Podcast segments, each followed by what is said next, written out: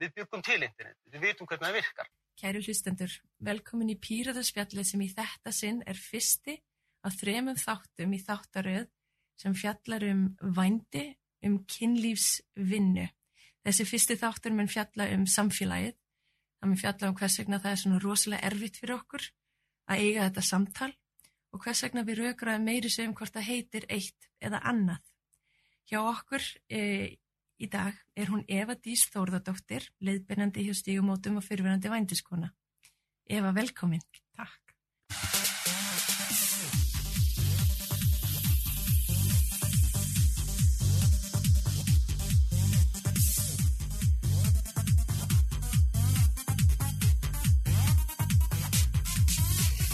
Það er svo erfitt að eiga þetta samtal í samfélaginu. Okkur heldur að það sé?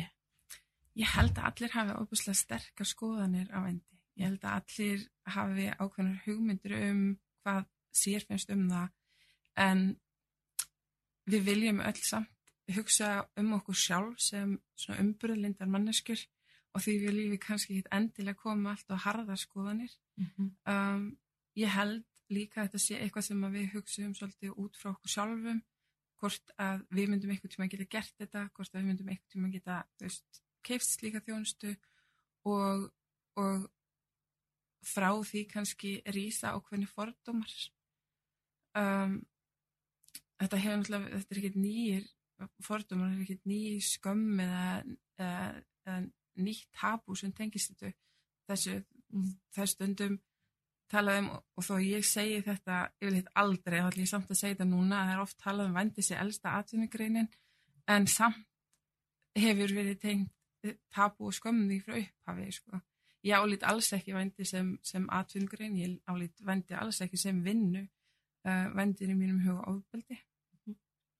og hérna ég tala út frá minni reynslu af því um, hafandi starfast um vændiskonu og síðar unnið með vændiskonum sagt, um, bæði í samvinnu við að leita úrlausna úr okkar vanda í kjölfarvendisvinnu og mm -hmm. í vendisvinnu og svo líka hérna, hef ég leitt bynd konum eftir á eftir að ég hef verið svona svolítið komin upp á upp í björgunabátinn sjálf sko. Akkurat.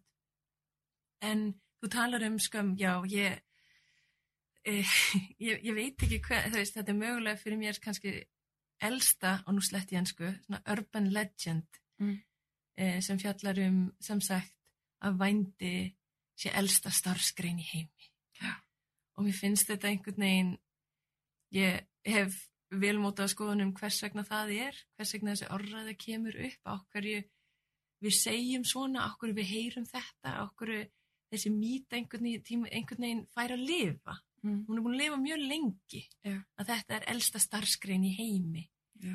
Uh, en þú segir, þú sér þetta ekki sem starfsgrein. Nei, ég sé þetta sem ofbeldi Já. og við, við höfum náttúrulega bara sem mannskeppnan bara sem, sem hérna, dýrategund, við höfum beitt hvort annað ofbeldi alveg frá upphafi til ég sko. Já. og þetta er bara enn eitt formið Mm -hmm. til ég Finnst þér að það, og núna er ég kannski ekki að tala um þig og þína reynslu, heldur meira í samfélaginu á Mm. Íslandi, auðvelt að tala um kynlífsvinnu, auðvelt að tala um vændi. um, Nei, ég held ekki fólki finnst þetta mjög óþægilegt Mm -hmm. um, fólki finnst bara mjög óþægilegt að ræða kynfjörsofbildi yfir höfuð um, þetta er eitthvað sem að vekur hjá okkur mjög sterkar tilfinningar og óþægilegar tilfinningar og þess vegna held ég að fólk forðist þessa umræði en um, ég held að það sé bara ekkert hægt lengur Nei. um, með herrferðum eins og höfum hátt og, og, og annað sko.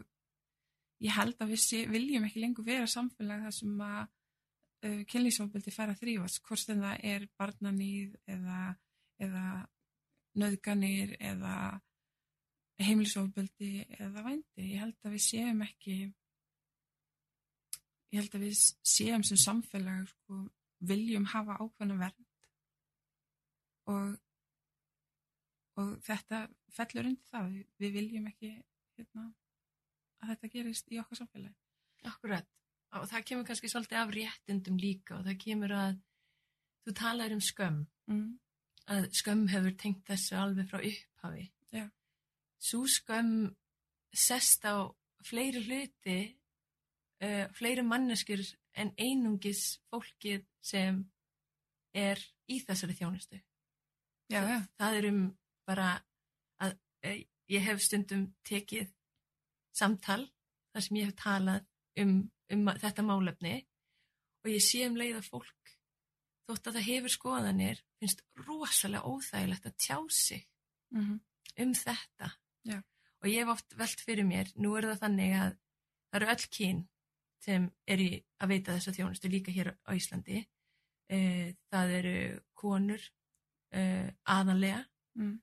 Uh, það er líka transfólk það er líka uh, karlar sem, sem stunda stunda þessa vinnu Mm. ef þú ert þess lindað að þetta vinna eða þjónustu, bjóðu upp á þessa þjónustu uh, en aðalega er þetta konur Mm.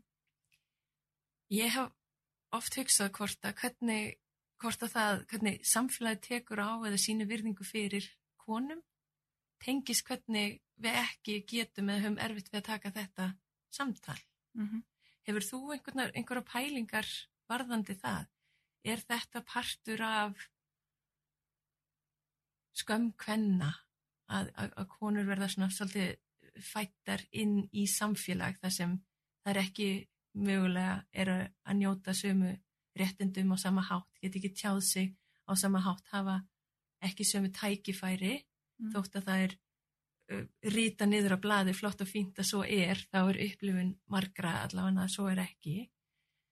Sérðu þess að tvo hluti tengjast? Hvernig álit samfélagsins er á konur almennt og svo hvernig þessi málflokkur, hver, hversu erfitt það er að, að, að tala um þennan málflokk? Um, já, ég held að sko flest öll málefni sem að viðkoma konum sé alltaf erfiðara að ræða.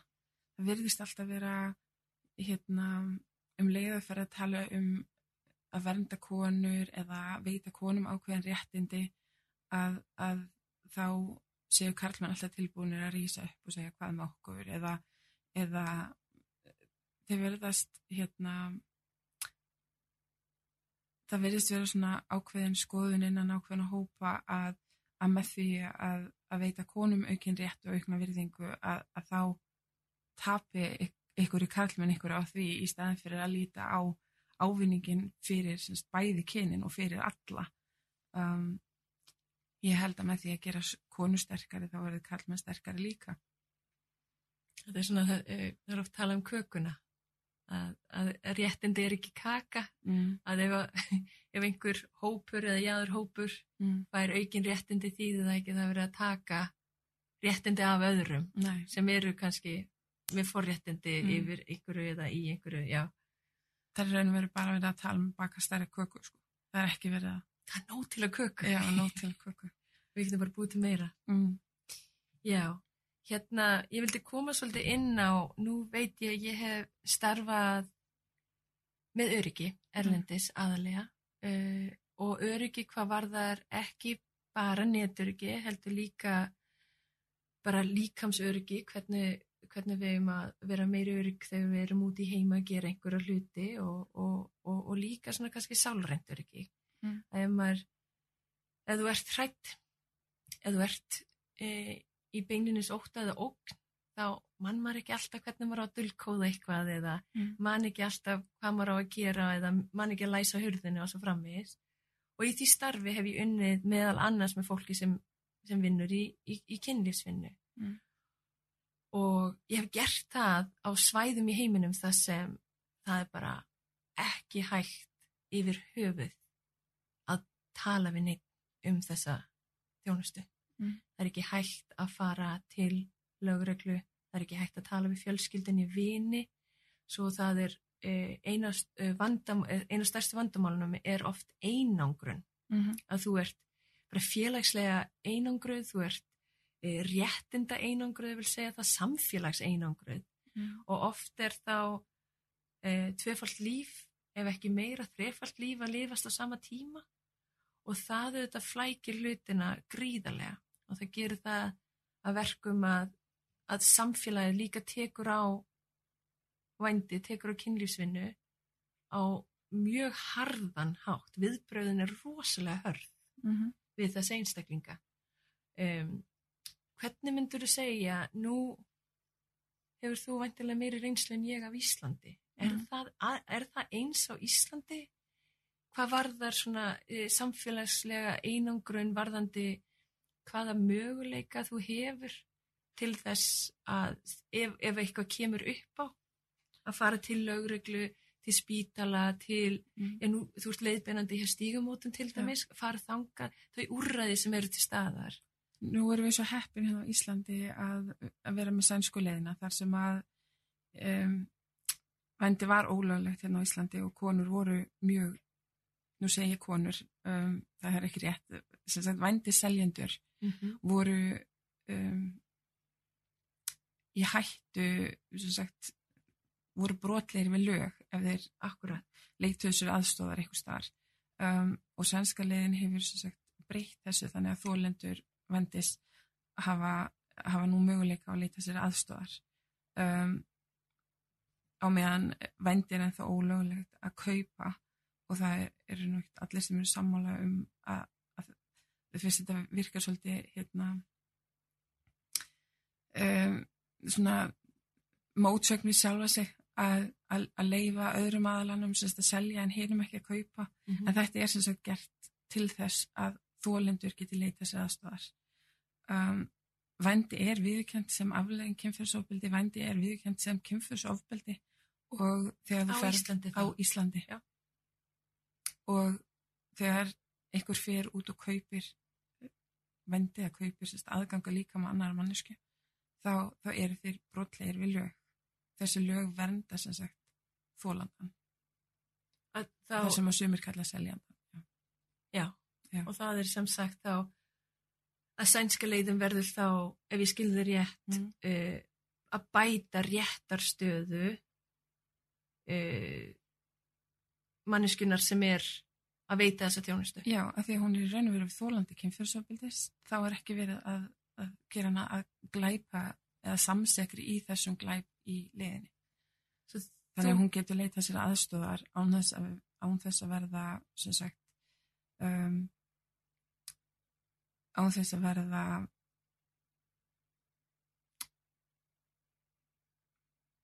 sem sagt um, lögsótt eða sagsótt Já, á þess að eiga yfir hætti sér á á þess að eiga yfir höfðu sér dóm. Um, hitt er svona mál hvort þú mæta ekki fordómum í kerfinu það get ég ekki fullirt Nei, nei, Nú hef ég- nú hef ég koma sjálf- nú hef ég sjálf reynslega því að þau fara til lauruglunum kæra nöðgun Já. og ég geri það eftir að ég er búin að koma fram ofinbröðlega og segja frá því að ég hef verið í vendi og ég veit ekki hvort að það átti hérna spilaði inn í að mínu máli var vísa frá. En það var mjög takmarkað sem var, var sem mitt mál var skoðað að mínu mati. Um, Já, þannig að mér fannst mér fannst viðhorfi hjá lauruglunni vera öðruvísi eftir að ég vissi að þeir vissu að ég hef verið í vendi. Já. Hvort sem að það var bara mín eigin fordómar eða, eða hvað það var, mér fannst ég mæta öðruvísa, öðruvísi viðhorfi hjá Já. lauruglunni. akkurat. Þú talar um sænsku leiðina. Mm -hmm. e, fyrir þau sem er að hlusta þá getur getu við kannski farið aðeins lengra. Það er stundum kallað e, norræna leiðin en það er ekki alveg satt. E, en sænska leiðin, Mm. hvað fyrir, þú, þú talar um að það er sem sagt þannig að e, fólk sem er veita þjónustu getur ekki verið lögsótt Mhm. Já. en fólk sem vil kaupa þjónustuna Mm. getur orðið lögsótt. En í raun og veru er þetta ekki litið á hérna, vændi sem eru að selja eða kaupa þjónustu. Þetta er í raun og veru. Innan, Já. já. og innan íslenskra laga mm Mhm. því sænska leiðin er íslensk lög í dag Já. Þannig að innan íslenskra laga er vændiskaup og vændisala ofbeldi og í þeim lögum er kaupandi, gerandi og seljandi þólandi Já, en til að fara kannski aðeins skrifið tilbaka, hvað er sænska leiðin gömul núna? Um, er, ég veist það tíu, ekki. allavega tíu Já, ára held ég. Já, Svo þetta er ekki, hér á Íslandi. nei, hún byrjar auðvitað í Svíþjóð, já. og kemur til Íslands fyrir hvað? Fjórum, fimm árum, Já. eitthvað svo leis, Já, og var búin að vera í Svíþjóð fyrir það. Hún Mhm. byrjar, hún heitir sænska leiðin út af Já. því að hún, hún þetta var sem samt löggjöf í þetta er Svíþjóð. lögjöf sem að fyrst tekin upp í Svíþjóð og hefur síðan drift sér. Já, akkurat. um, já, bara vonandi dreifir sér um allan heim sko, á, um, til að nýtekin upp í Írlandi til dæmis, það verið fyrir að heitt fyrir Svo þannig að fleiri og fleiri er að taka á málefninu. Já. Fleiri og fleiri lönd er að kíkja á leiðir til þess að takast á við þetta málefni. að því að þetta er vandamál í samfélaginu það er það er þeir einstaklingar sem hafa stund að vendi þeir það er mjög há sjálfsvíðstíðni hjá þeim einstaklingum Mhm. þeir sína um, mörg einkenni um, uh, áfallastreitu einkenni svipuð og hermenn sína þegar þeir koma heim úr stríði Mhm. þetta eru einstaklingar sem að sem að detta út úr samfélaginu hætta að geta unnið vennilega vinnu hætta að geta borgað skatta og af venjulegri vinnu sem sagt Já. og hérna eru sem sagt verða í raun og veru svolítið upp á þjónustu heilbyrðiskerfis og annars kominir þetta, þetta er, þetta er þetta vændi fyrir illa með fólk andlega og líkamlega og, og fólk dettur inn í, inn í bótakerfi eða heilbyrðiskerfi Já, eins og við sér líka sjáum við hermönum, reyndar ekki hér á Íslandi, en, en þú, þú sér það, já, bara bæði á Norðurlöndum og um allan heima, Já. að, að þeir um er að gera, já, hermennu þetta, eða herrfólk, fólk sem vinnur í herr, Mm. er í áhættu vinnu, er, er að taka á sig og hefur fær þessar upplifanir og, og áfallastrýtaröskun Mm. mm. kemur oft í kjálfari. Um, þú nefnir hér áfallastrýtaröskun og, og nokkur aðra þætti. Mm. Uh, þú nefnir að fólk verður óstarfætt Mm. uh, í kjálfar. það er líka fleiri, er fleiri ástæði fyrir því að þess, þetta er í óþá samfélagsins og að, að samfélög reyna að setja lög gegn þessu og sænsku lögin að hafa virkað mjög vel. Það er til dæmis vegna þess að hérna í, í, að það er ekkit allir að gera þetta að fóðsum frá sem vilja sko að reyndar strika þetta út. það er enginn að gera þetta að fóðsum frá sem vilja. Og svo fléttast þér niður þetta hérna, mannsal og aðri sem reyna að hagnast, sem þriðjaðili sem hagnast og sænska, aðil, sænska leðin tekur á því. Það er semst ólögulegt fyrir þriðja aðila að hagnast á vændisölu og já, þe- þetta er eitthvað sem að hérna, hefur líka sko, orðið til þess að hérna, að stiðja undir skiplaða glæpastarsemi og annað þannig að, að að taka á vendi er líka að taka á, á öðrum glæpum í leiðinni og þar með hefur svenska leiðin virkað mjög vel. Hérna á Íslandi eru þeir sem hafa fengið þingstu dómana, það hafa verið sagt um, þriði aðli, sem sagt einhver aðli sem hefur verið að hagnast á sölunni. Akkurat. Um, vændis kaupendur sem að hafa fengið dóm hérna á Íslandi eru fáir og hafa fengið mjög takmarkaða dóma og það má alveg deila um hvað sænska liðin hefur mikið fælnismátt hérlandi því að um, löggefin hérna heima hún leifir þeim sem eru dæmdir fyrir vændiskaup að vera nafnlausir í, Mm í, í hérna, í dómskrá. í, í réttakerfinu. Já, Þú tala núna um mannsal og mér langar nefnilega, já, við, við komum sem sagt frá og varum að tala um hvers vegna það er erfitt að tala um þetta, hvað það er, við fórum frá skömminu, núna erum við komin inn í sænskuleiðina, mm. sænskaleiðin sem er sem sagt innleitt hérlendis, kemur frá Svíþjóð, hún er búin að vera í tiltöru langan tíma þannig að við ættum að geta séð og það eru, ég ætla nú ekki að byrja að nefna allar þær skýslu sem hafa komið út sem sína árangur leiðarinnar, hvað maður gera betur, hvað ætti að breyta, hvaða árangur hefur verið í Svíþjóð. Ég veit ekki til skýsla á Íslandi varðandi svona hve- hvernig hingað til eh, hefur gengið, en þú nefnir mannsal og mér langar svolítið að tala við þig um það. Getur við talað um kynlífsvinnu, getur við talað um vændi án þess að tala um fátækt? Nei, Getur við talað um kynlífsvinnu eða vændi án þess að tala um fíknivanda? Nei, og svo er þetta mannsal og þar held ég að við erum alveg sammála að það er, það er eiginlega gríðarlega stórt, ef ég má fullir það, gríðarlega stórt vandamál innan við þetta Mhm. málefni, það er mannsali. Já. Og það er væntanlega ef ég hef lesið og heyrt mér rétt til allt þrent vandamál hérlendis líka og þú nefnir stærstu dómarnir sem hafa fallið hafa verið á Íslandi var mannsal. Já. Þegar það kemur að mannsal höfum við Íslendingar hérlendis nógu góðan skilning á hvað það er. Nei, alls ekki. Nei. Og ég held að uh, fólk sé að ímynda sér einhverjur er, erlenda aðila að koma hérna inn með einhverjur erlenda konur og vilja selja þær í einhverjum kellarabúðum í Vesturbænum. Ég hérna, það, þetta eru mikla ránkvömyndir og það er auðvitað sásökafullt að, að opna augun og sjá það en ég held að við neyðumst til að mannsal hefur verið stundar hérna á Íslandi frá örói alda. Um, Ég er nokkuð vissum að mikið af þjóðinu var stopnað þannig. já, Byrtingamyndin er ekki bara e, þessar hugmyndir sem við fáum kannski frá heimildaþáttum frá, frá hérna útlöndum eða, eða frá myndum. mm, Heldur er hún oft miklu almennari eða venjulegri í byrtingamynd hér, hérlendis og í mörgum öðrum löndum. Um, þú nefndir fátækt Mm. sem ég finnst eiginlega einna, og ég nefni þessa þrjá hluti út af því þegar kemur að vændi og kynlýsvinnu þá þá eru þetta þrjú hluti sem koma upp oftast Mm. það er mannsal og eins og þú segir um, ekkit verið að, að, að halda fólki allavega ég starfa lengi erlendis og þar var fólk uh, verulega bara í keðjum mm, einhver staðar. Í, ekki alltaf í kjallara reyndar en í keðjum tekið fram Mm. selt aftur í keðjur. Uh, og það er það er kannski einhver ímynduð byrtingamind sem við höldum þá. Það er, það er byrtingamyndin af, af þessu mannsali en, en svo er það bara alls konar annað. Mm.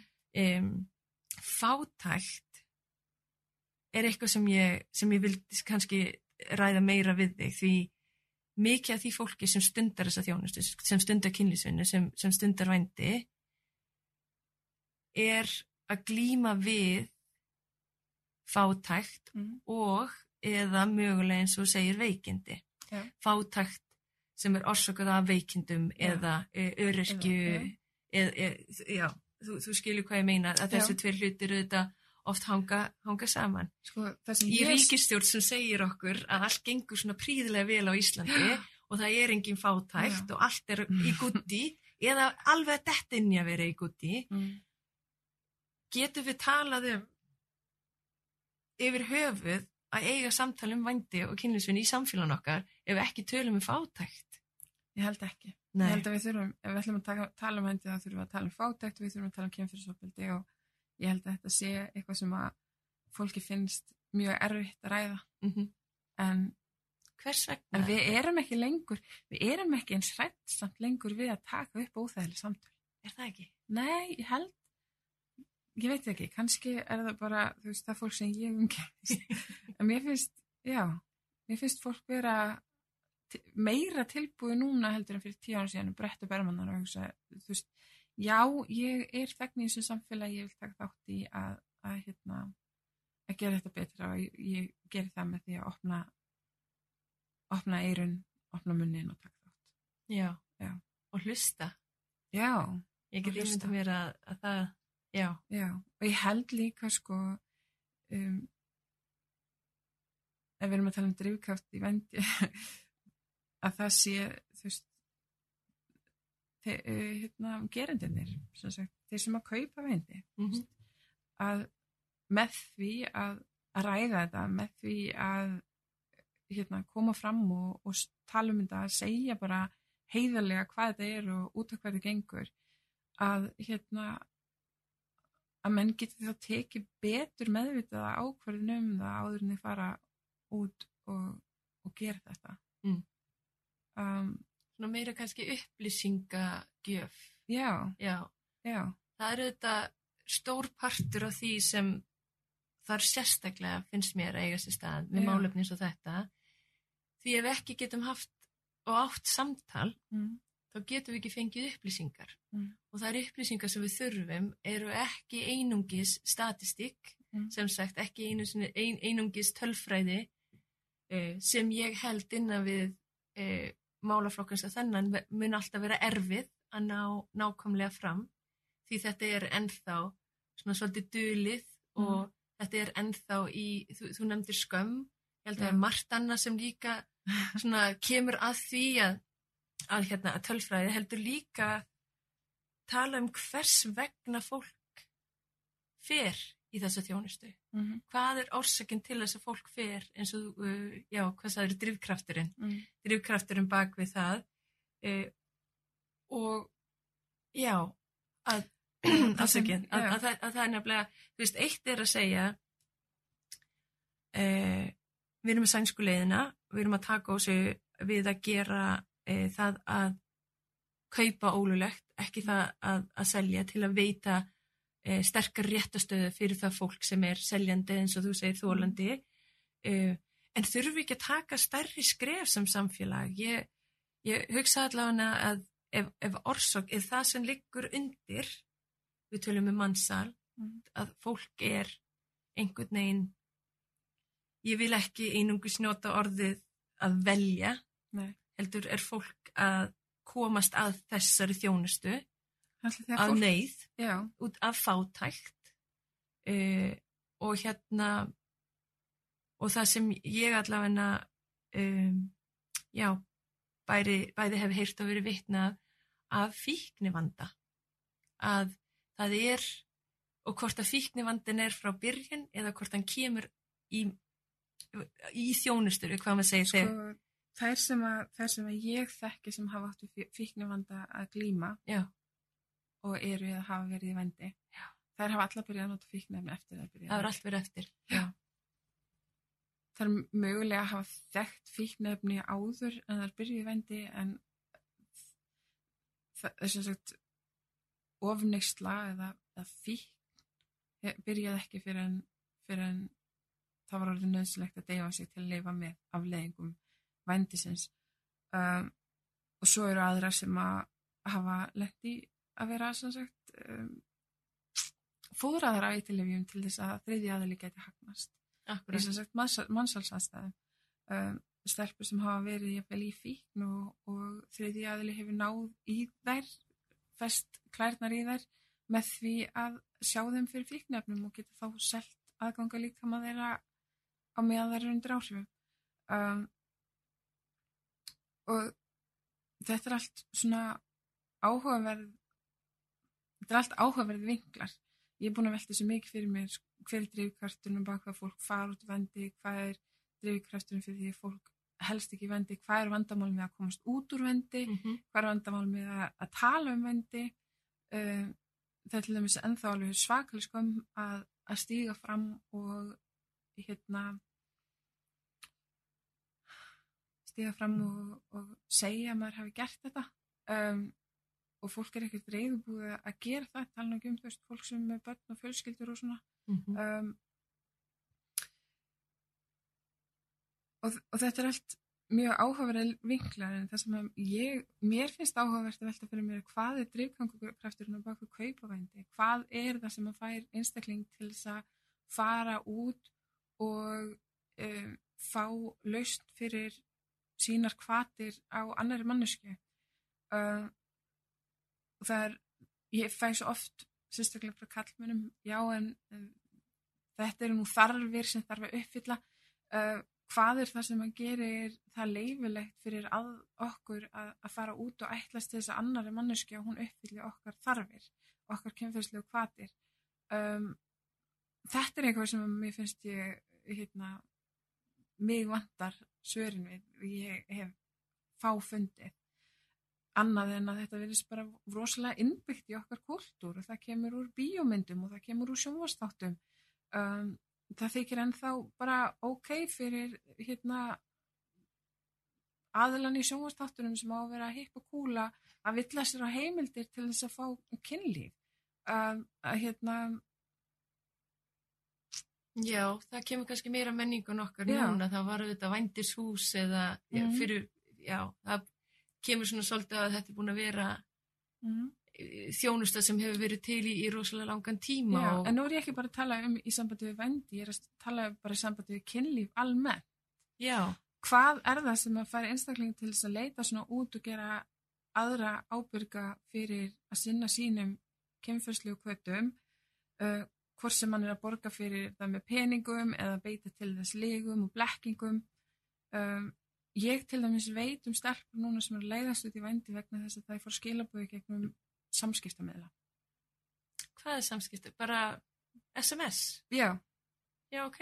Já, það virðist vera sem að, að kallmönnum finnist, ja, nú segi ég kallmönnum að því að þau dæmi ég þekk til hafa verið kallmenn, það virðist vera sem að sömur einstaklingar sjá ekkert aðtugast við það að hafa samband við aðra mannesku á samskiptamöðlum og bjóða henni um, peningagreislu fyrir kynlífsgreiða. Akkurat, ég las líka fyrir nokkrum árum síðan að, að eitt vandamál var uh, uh, þegar húsnæðisvandin sem þetta Mhm. í, hérna, hér á höfuborgarsvæðinu er ennþá gríðarlegur. Já, en þegar hann var kannski já, upp á sitt hæsta. Að það voru leigusalara að þú hefur eitthvað hýrt þetta Já, líka. já, að það það er Þú getur- targötu einstæði mæður. Einstæði mæður gáttu fengið lægri leigu ef að það voru tilbúnar að veita kynlífsgreiða ykkur ákveðin og frekar tilfelli skipulagt um mánuðin sko. já, já, já, svona tvi- Já, tvisvar á tvisvar, mánuði á þrisvar í mánuði, þriðjudögum- á já. þriðjudögum klukkan eitthvað já, já, það er þetta það, það kemur svona svolítið af, af já, þessari menningu sem við að tala um er En- þessi menning líka hafa áhrif á hvort við getum átt þetta samtal þá? já. Og, og sko, sömur vilja kenna, kenna samfélagsmiðlunum um, en sko, samfélagsmiðlar er bara við eru, eru við. Og þetta er í raun og veru bara tæki sem við notum. En ég veld fyrir mér um, hvaða er sem að færa aðla til að finnast það í lægi að, að nálgast mannesku með, með bara tilbúðu um kynlíf og, og láta þessumna já, fylgja því eftir með lofarðum um greiðslu og jafnvel myndefni sem að ekki er búið óskæftir. já, frægu Mér setur svolítið skrítin hegður. kyn, kyn, kynferði sjálfurnar já. Já, sem ég er svona- hef bara ekki vitað um manneski sem hefur nokkuð tíman óskað eftir held ég, ever, nei ég Ever. veit það ekki. Nei. Hérna, En það er þetta væntilega ekki fátækt sem fær fólk til að kaupa þessa þjónustu. Það er Nei. fátækt sem fær fólk til að ganga inn í að veita þessa þjónustu. já, Um, hvað getur við til þess að eiga þetta samf samtal í samfélaginu um vændi, Mm. Um kynlífsvinnu, Mm. hvað þurf, hvaða skref þurfum við hvað þurfum við að gera til þess að þetta samtal ég er að orða þetta mjög illa ég vona að þú skilur mig en hvað, hvað þarf að gerast til að við getum átt þetta samtal á þeim forsendum sem það fólk sem er eiginlega væntanlega mörg á okkur getum komist að borðinu og átt verulegt samtal um, það er til dæmis að hlusta á hlaðvarp eins og þetta Mm. að að hérna sperra eirun og hlusta ég veit að til dæmis eftir hérna þessari herrferðir sem stígamónd hafa farið í með, með hérna já, herrferðir eins og sjúkást og steittum svartnætti og fleiri sem að, að stígamónd hafa farið í hafa sumar hafa komið virkilega óþægilega við fólk og aðrir hafa, þú veist, opnað og hlusta og tekið samtalið og mér finnst krakkar í dag vera hérna rosalega opinn fyrir því að, að skilja um, fyrir mér mætti alveg taka samtalið þú veist, lengra í Já. skólana, bara tala um þú veist hérna hvernig get ég sjálfur verið ábyrgur eða ábyrg fyrir mínum þörfum hvort sem það eru kemfyrstlegar, fjárslegar, tilfinningarlegar eða aðrar. Mm. Uh, ég veit að það það kent eitthvað í lífsleikni í sambandi við, þú veist, að byrja ábyrða einn tilfinningum. Um, akkur ekki, þú veist, kent að byrja ábyrða á einn þörfum. mm -hmm. Um, og svo má líka, sko, deila um hvað er fólk að leysa hjá sjálfu sér með því að fara út og nota aðra mannesku kemferslega uh, hvort það er ekki gældi eða, eða ei, hvað, hvað er það sem einstaklingum fær út úr því að, að fá sagt, tilfinninga laus kynmög um, kynmög á þess að bindast inn í manneskunni tilfinningalega hvað, hvað er það sem er að leysi sjálfum sér með því að stundu svo leysi hegðun það sé mjög áhugavert að skoða sjálfa sér þannig bara fyrir hvern veit sko. Já, og þetta kemur þetta mjög mikið inn á einstaklingin, persónuna, hvað hún er að hugsa, hvernig henni líður og, og kannski líka sjálfsákurunaréttin til mm. að, að skoða, þú veist, þetta er auðvitað, þú veist að tala um rosalega erfið samtöl eh, og að því að sömur sem að hérna, eru gerendur og eru að kaupa vendi þjást af kynlífsvíkn og, og aðrir hafa eh, er ég að vilja þjásta afleggingum eitthvað svona ráðbeldi sjálfur sko. Já. Já. En svo til að, til að geta átt þetta samtal í samfélaginu þá meðal annars að ég hlaðverf eins, eins og þetta eða þessar herrferðir sem, mm. segir, sem hjálpa til. Ég er alveg rosalega sammála því að úlingar og ungt fólk í dag finnst mér allavegna eh, er miklu betri til þess að geta átt samtöl, ja. opnari fyrir samtölum, þau líka einhvern veginn sína finnst mér, þú veist, auðvitað eru úlingar úlingar, en mm. það er einhver væntum þykja, higgja sem ég sé mm. sem ég finnst bara frábær og einhver alveg... vilji líka til að skilja vilji til að sjá sko. já, já, og þessi forvitni mm -hmm. eh, til að, já, til að afla sér upplýsingar og, og, og heyra í öðrum og, og sjálfum sér. Já. Nú veit ég ekki hver, hvernig viðbröð þú fegst eftir að þú komst heim eftir að hafa unni með þólundum vendis í, í þessum löndum sem þú talaður um en ég kom nýlega heim frá Peru mm -hmm. og hérna ég fengi mjög sterk viðbröð ég reyna að tala eitthvað um mína reynslu þar um, tala nú um ef ég ætla að fara eitthvað í smáatrið sko um, að fólk vil ekki ekki heyra, ekki hlusta, ekki vita sko. Þetta er rosalega óþægilegt þetta er, já, ég hef alveg fengið nú vann ég með fólki sem skilgreindi sjálfa sig sem verandi í kynlífsvinnu mm -hmm. það var alltaf í bóði úrræði mm. til þess að já, sem sagt eh, var mannsal e, man, mannsalsvandamálið eru þetta bara alþjóðlegt mm -hmm. fátækt eru þetta líka e, fíknivandi líka e, markþættu fíknivandi sérstaklega og hérna og það fólk sem ég hef verið að vinna með í, í kynlýfsvinnu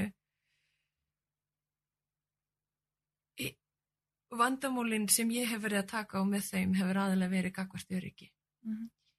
og það var bara mjög mjög skýrt að e, það voru ekki kaupendur sem voru með aðalofbeldi mm. aðalofbeldi kom frá e, núverandi eða fyrverandi partnerum eða sem er svona mm. stærri orði yfir maka eða kærasta kæristu mm. eða kærasti já, hvorukins kærasti e, og af stjórnsíslunum, ég má segja það stærri ja, e, í lögreglu mm. e, og, og öðru fólki sem vinnur félagsráðgjöfum og, og svo frammeins að, e, að það var aðal vandamála þegar ég hef talað um yfir höfuð að, að þetta er málhópur sem ég hef unnið með og jú, ég hef líka unnið með hins einn fólki, ég hef líka sérstaklega unnið með e, fjölmiðlum, þannig að fólk sem er að, í, í bladamennsku hvers vegna er ég eiginlega að gera það? Hva, hvað verður ég að gera við þetta fólki í, í kynlisvinnu hvort það verður ekki nóga svo bara það yfir höfuð að það er málefni getur verið svona þetta er erfitt. Og svo því ég segi nú út af því að mér finnst réttindin okkar allra rosalega mikilvæg. Mér finnst mikilvægt að þú getur tekið ákvarnir sjálf mm. Eh, sem manneskja á þínum fósendum á þeim stað sem þú ert núna í lífinu. Mm -hmm og það getur verið rosalega erfitt að brjóta munstur ofbeldis frá ungum aldri. Það getur verið rosalega erfitt að brjóta, mikið af því sem þú ert að tala um er að brjóta munstur, brjóta hegðun, Mm. brjóta umhverfið, umhverfið sem er að segja þér eitt eða annað, umhverfið eins og samfélagið er, uh, skömmina, allt þetta. Um, svo það, já, mér finnst réttinda bara átt að nýja þessu að hafa úrræði, Mm. en að þetta er alltaf á forsöndum fólksins sem, sem er að, að, taka þátt í þessu eða ekki, að það ráði sjálf. Já. Svo fyrir mér var þetta sjálfsagt að, og ég kom ekki til þess að reyna bjarganinum. Ég get ekki bjarga, ég get mögulega að bjarga sjálfur mér, en það er svona ábyrðasviðið mitt endar þar. Mm. Ég get ekki bjargað fólki í kynlífsvinnu, ég get heldur ekki bjargað blaðafólki á stríðsvæðum. Það sem ég get gert er ég get átt samtali, ég get hlusta og ég get komið að með hugmyndum um hvað getur gert hlutina aðeins örugari. Mm. Út frá því auðvitað að, að það var öryggi sem var mitt, svona mitt, mitt sérfræði um, hérna svið, en, en, en já, það er rosalega erfitt yfir höfuð eða fyrir, fyrir mörg að, að, að hvers vegna ég yfir höfuð var að vinna með svona fólki. Út af því þetta er bara, þetta er óþægilegt einhvern veginn. Hvers vegna vil fólk gera svona? Við Já. höfum einhverju hugmynd um að að góða fólkið ekki gera svona. Að góða manneski ekki gera svona. Og við erum bara alls konar. Mm. Gott fólk gerir hræðilega hluti, gott fólk gerir líka hluti til að bjarga sér. Mm. Hræður, hræðilegt fólk gerir líka góða hlutistundum. Að þetta er ekki mannskeppnan eins og við sagðir aðan. Við erum öll, við erum ekkert okkar, ekkert okkar er 100% gott og 100% vont. Nei, er við erum bara alls konar. Nei. Og ég myndi kannski ekki stela nammi frá batni, Mm. en þú veist, ef það er nóg nammi, myndi ég alveg taka frá frængu minni Mm. og það segja við maður skipta þessu á milli okkar. Hvað það getur í sömugum gert mér ræðilega, en það er alltaf læg. Þú, þú skilir hvað ég meina. Ég, ég skil og það eru bara alls konar hlutir sem koma að þessu málaflokk meðal annars öryggi sem ég hef starfað með mm -hmm. og réttaröryggi og réttarumhverfi. Eh, það ég hef tekið þátt í mörgum samtölum um, líka samfélagssamtölum varðandi uh, já hvað eru svona kostur og galla við sænskuleiðina mm. hvað eru kostur og gallar við afglæpavæðingu, hvað eru kostur og gallar við lögleðingu og mér finnst einhvern veginn á meðan við erum einungis að tala um vændi eða einungis að tala um kynlífsvinnu, Mm. bara það getur verið rosalega erfitt.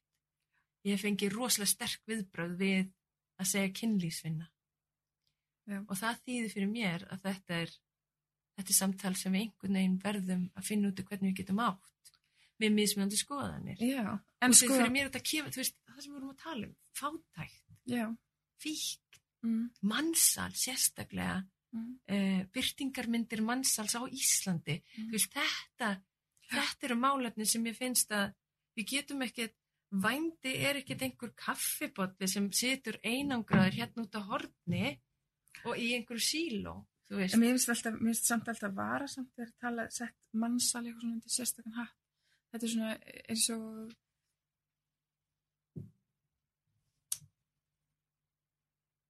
þetta er svona eins og þegar ég heyri þólendur kemfjörðsópeldis verið að tala um þú veist mitt ópeldi var ekki svo slæmt eða þetta, þetta er svona coping mekanismi að lifa með því sem maður hefur orðið fyrir og með því að vera stigreina vendi og þú veist, ykkur haka læra en mannsal, það finnst mér, þú veist, svona samfélagi að reyna að kópa með, þú veist, þetta er þeirra samfélagsmeðvirkni með, hérna, Já, að reyna Ég að lifa með, veist, því sem við erum í raun og vera að gera okkur sjálfum í samfélaginu okkar.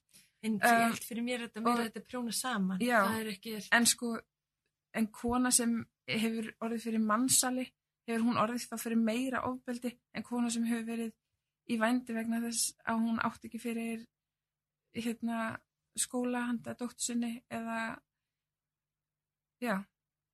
Þú veist hvar, hvar er hvar, hérna, ætlum við að fara stigrina þú veist, ofbeldi? Mhm. er verður að vera lamin í andliti eða í, í pungin eða þú veist, whatever skilur uh, mér finnst það alltaf svolítið varasamt. Já, stiggreiningin gerist þetta meðal annars í hefningalögum. mér finnst líka þegar við fyrir að tala um sko, mannsal þá er eitthvað svona alveg skýr og greit gerandi það er þriðji aðli sem selja viðkomandi. En sko um, þann ef ég tala út frá sjálfur mér já ég fyrir sjálf út í vendi og segi sjálfur mér að þetta sé æðislegt þetta sé vinna. Ég varð að segja sjálfur mér það Mhm. að þetta væri vinna sem að mig langaði af því annars hefði ég aldrei getað gert þetta. Og mér finnst við mikilvægt að fólk sem er á þeim stað fái að segja sér þetta bara að því þetta er líka coping mekanismi þetta er, þetta er aðferð til þess að lifa í þeim aðstæðum sem þú ert í. Þannig að Mhm. ég komin inn í aðstæðar sem ég var komin í vendi og byrja að selja mig ég varði einhvern veginn að finna mér leið til að lifa með því. Og það má svo, það má svo alveg dæma um er ég þá að beita sjálfa með ofbeldi? Uh, ég hafði orðið fyrir kynferðsofbeldi áður og, og, og hefði mjög sennilega ekki leiðist út af þessa braut nema ég hefði orðið fyrir því. Voru það þá þeir sem brautu, höfðu brautið af mér sem barni eða sem ungling, eru þeir ábyrgi fyrir því að ég fór í vendi eða eru það þeir sem að koma inn og keiftu líka á minna meðan ég var í þessu? Þú veist, ætlum við að hérna, fara ætlum við að fara reyna að skella skuldin á einn ákveðin uh, mjög varasamt þú veist, Mhm. sérstaklega því ég talaði um að, að, ég hefði verið að beita mig sjálf ofbeldi, þú veist, með því að setja sjálfa mig, halda mér í þessum aðstæðum með sjálfblekingunni að vera að ljúa mér, já þetta er gaman. Uh, svo náttúrulega bara eftir því sem að var minna áföllin eru þau fleiri og farið yfir fleiri mörg því erfiðar að að ljúa þessu að sér. Og ég var svo heppin að komast út úr þessu bara mjög fljótlega eftir því ég gerði mig grein fyrir því hvað ég var að skaða sjálfa mig með þessu Mm. en það er ekkit allir sem hafa það val Nei, nei, en það var þá ertu að tala um þau úrræði sem þú nýtti þér já, til þess að hætta. já En var það, ef ég má spyrja, var það, var það hérlendis? nei, þetta var út í Danmark Ok. Hérlendis, við tölum svolítið um þau úrræði, það eru þetta úrræði til staðar, þú nefndir sænska leiðin er, er á Íslandi. já, en hún er samt svo takmörkuð af því að þú varst að tala um öryggi að þú vildur Mhm. skapa öryggi og vernd það sænska leiðin mjög takmörkuð hún hefur mjög takmarkaðan fælingamátt þegar menn fá að vera hérna, með nafnlind og peningasektirna er ekki það háar að ég held að það er jafngildi ekki nema fjórum eða fimm hérna, vændis heimsóknum þá, þá eru þið búin að borga þá sekt um, þannig að fælingamátturinn er nánast engin og fyrningin á, á sem sagt því hvenar hægt er að kæra þá fyrir vendskaup fyrningafresturinn er mjög, mjög, mjög stuttur hann er ekki nema tvö ár Á um, þeim dómum sem sagt. já, Já.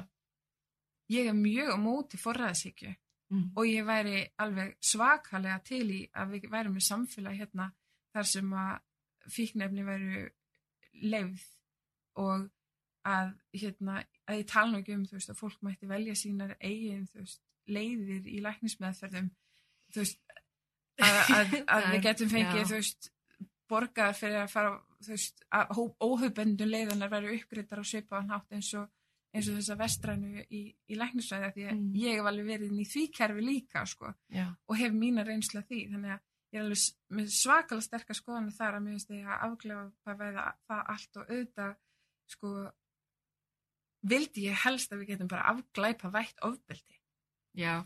en ég sé einhvern veginn ekki ég sé einhvern veginn ekki það gerast nema við hættum að beita hvort annaði og ég veit ekki alveg hvernig við gerum það nema við förum að ræða bara þann skada sem að ofbeldi gerir. Og það er líka það sem að hvetur mig áfram í að koma fram og tala um vendi bara að fólk fari að sjá hérna sjá þetta svona þess nær sér. Sjá, þú veist, að ég er bara vennuleg íslensk kona sem hefur upplifað þetta ofbeldi og lifað það af það var mjög tæft. Já. ég get alveg, þú veist, verið heiðaleg með það. Það hefur verið mjög tæft. Já. og hérna, ég er enn bara að lifa þetta af. Ég veit eiginlega ekki hvernig við um að nema bara, þú veist hvernig samfélag getum við búið til þess að fólk langar ekki beita hvort annað ofbeldi ég veginn fyrir mér, ef ég ætti að fara út í að ímynda mér eitthvað, þá er það samfélag þar sem maður ekki jöfnir ef allir hafa sama aðgang að Mhm. því sem við þurfum til þess að lifa af og líða vel, þá get ég ekki sé að við þurfum að beita hvort annað. ofbeldi.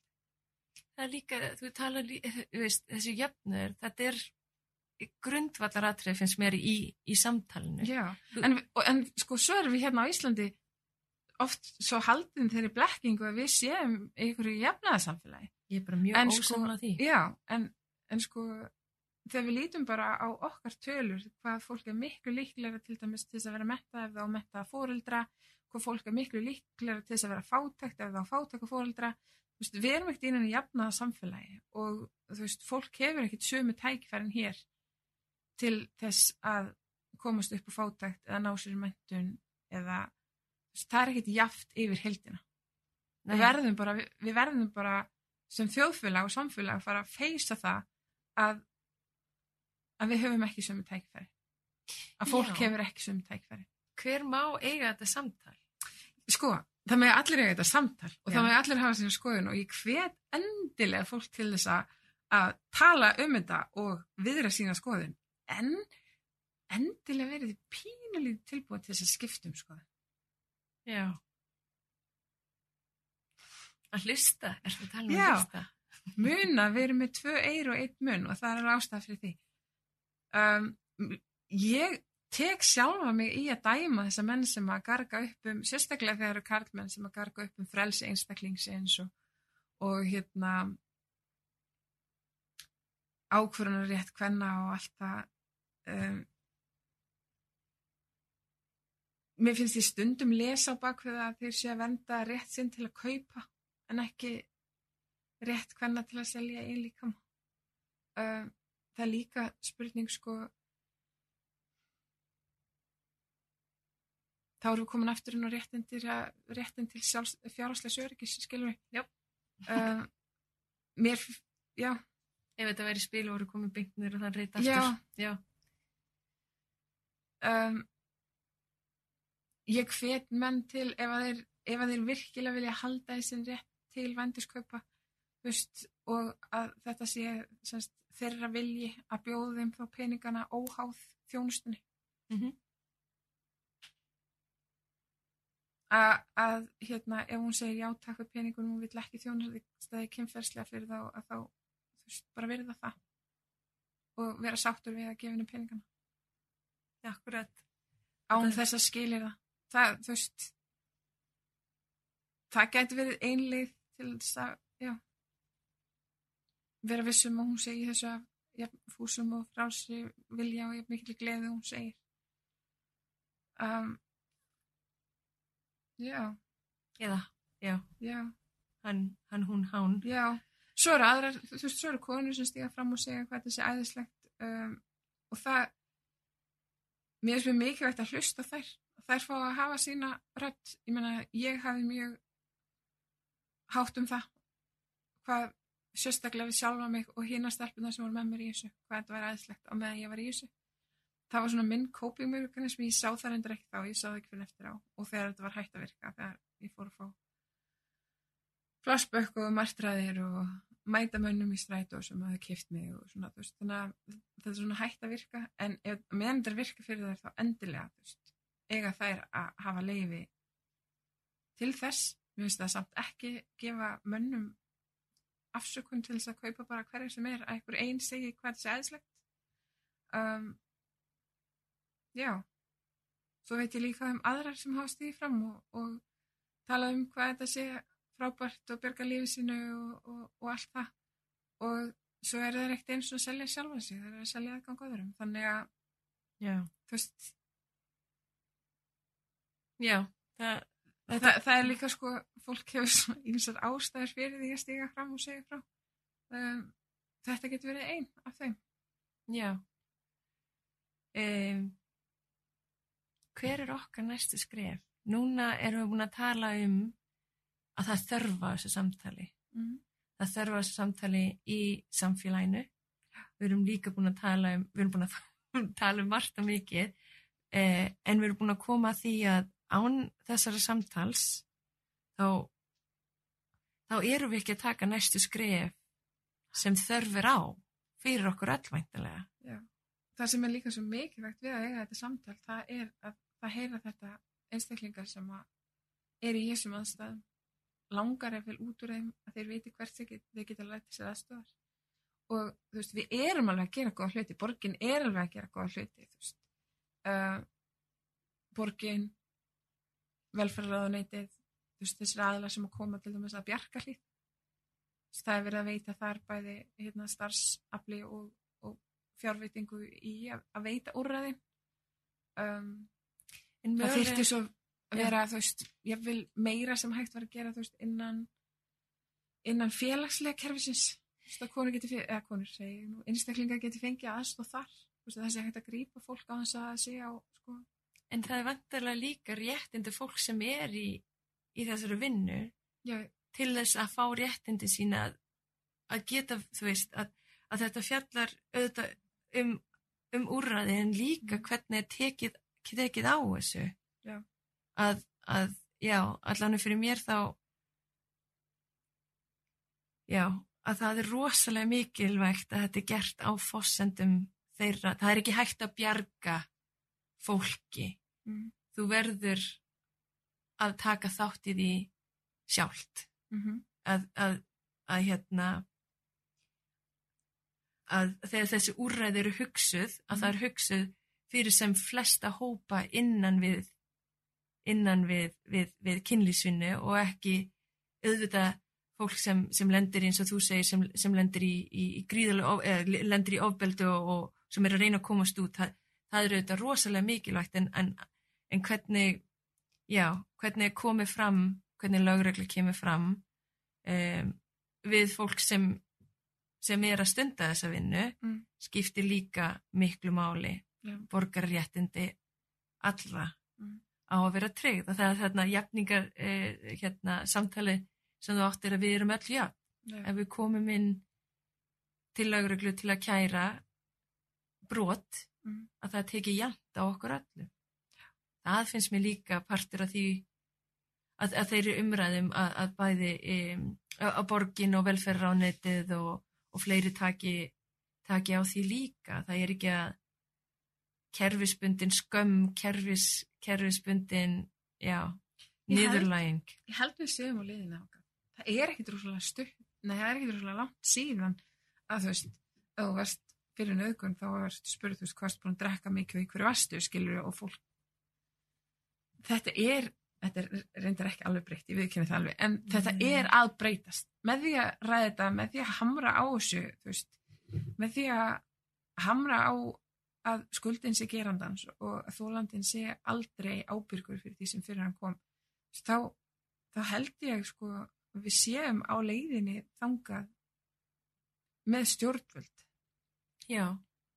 Út af þessu hugmyndum að það þarf alltaf að bjarga greiði konun eða bjarga greiði fólkinu, mm. það, það, Nei, það er svona, það er getur- ekki það og mér finnst Nei. ekki og mér finnst, mér finnst alls ekki að sko hérna kona sem hefur verið í vendi í tvö ár til að redda sér fjárhagslega hún er að fá hún hærri styrkinni hjá félagsmálstofnun þegar hún er reyna að komast út úr vendi heldur en konan sem er bara búin að vera á ystu nöf að hugsa um að gera það og er ekki farið ánga, skilur mig að fjárhagslega finnst mér að við höfum all, öll að fá þannig stuðning að við þurfum ekki fara það Já.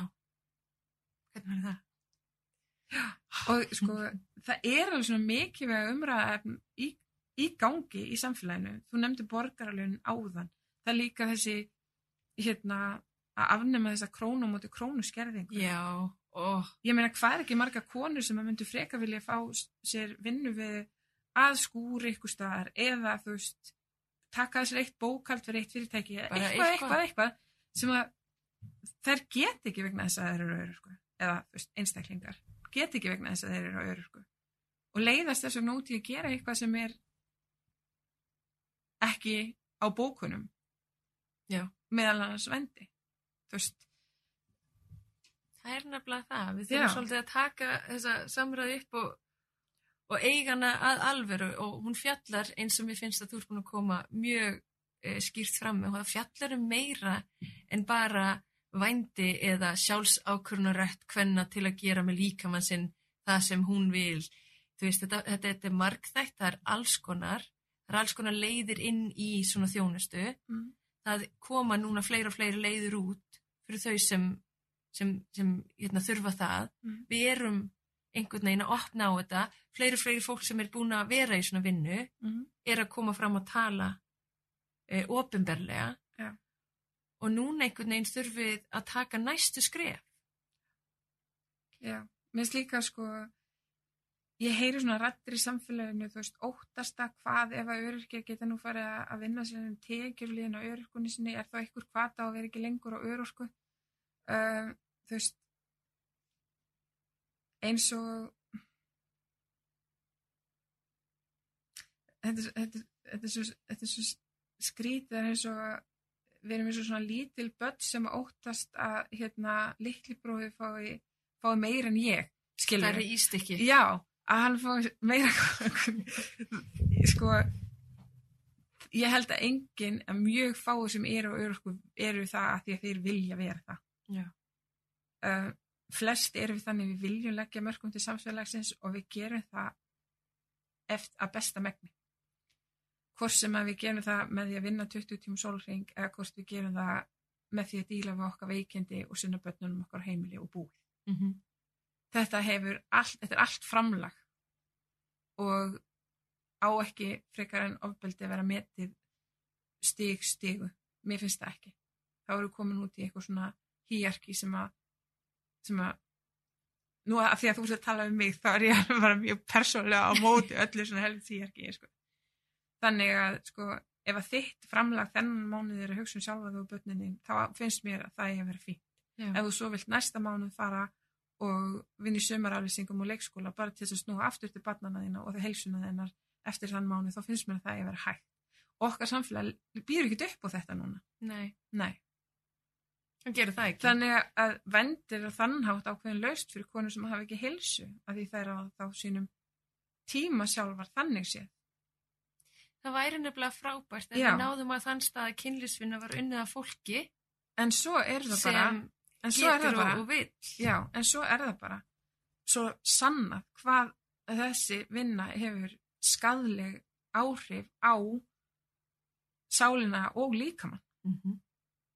Og það er ekki bara að tala um, þú veist, sjálfsvígin og allt sem eru, þú veist, sannar tölur heldur bara eins og ég er endur tekið hérna búin að lenda í svona aðteglisbresti og svona skilur sem er bara afleðingar af, af því ábyrgð sem ég vorið fyrir. Uh, þannig að hérna og við sem samfélag gerum ákveðna ráðstafanir til þess að, hal- að fólk fá að halda heilsu. Veist við bönnum skadaleg efni veist rosalega strángar reglur í sambandi við asbest í bygginga asbest í byggingarinnað og allt svoleiðis.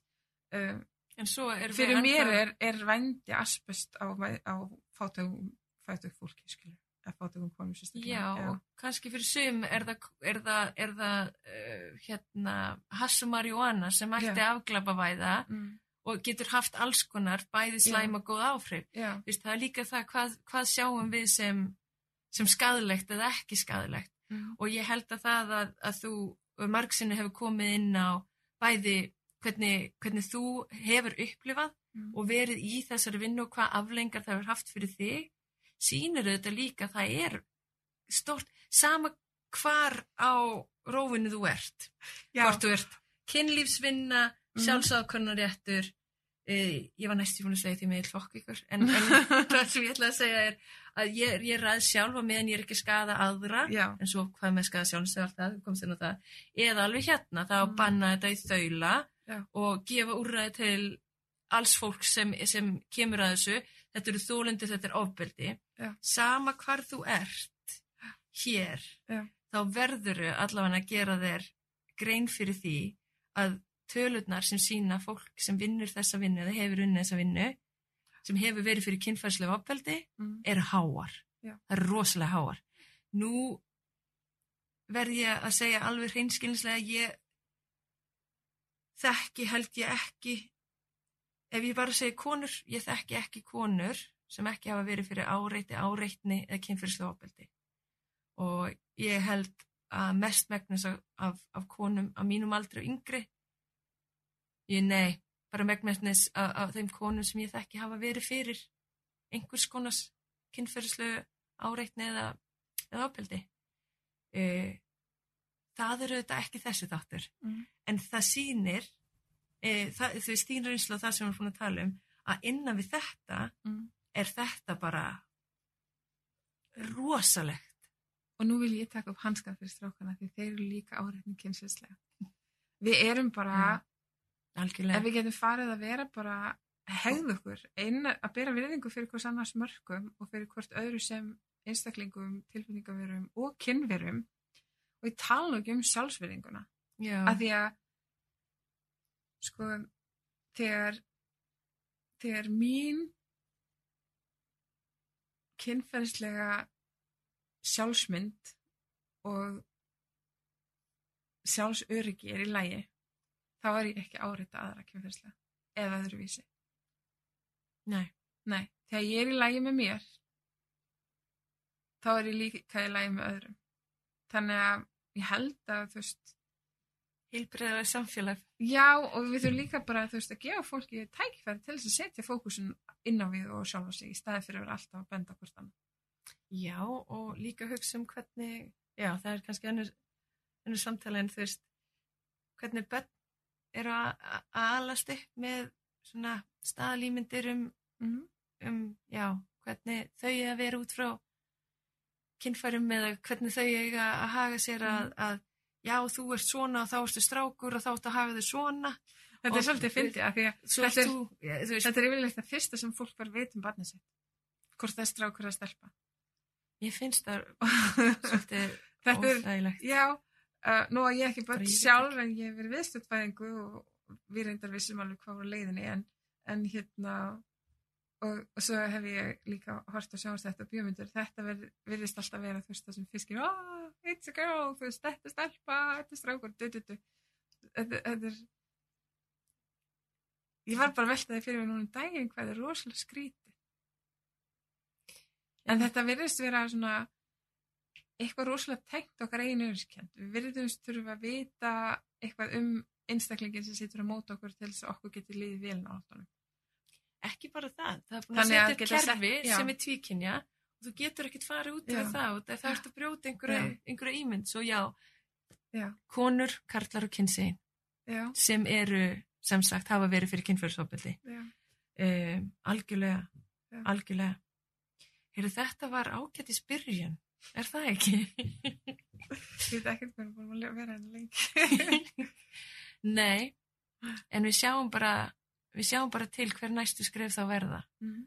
Við þurfum allavega að breyða þetta samtala og vonandi já rökk kaffið ekki niður í, í hlustendur og það er mögulega tilbúið til að segja þetta samtal við vini og vinkonur Mhm. við fjölskyldu eða við, við okkur Mhm.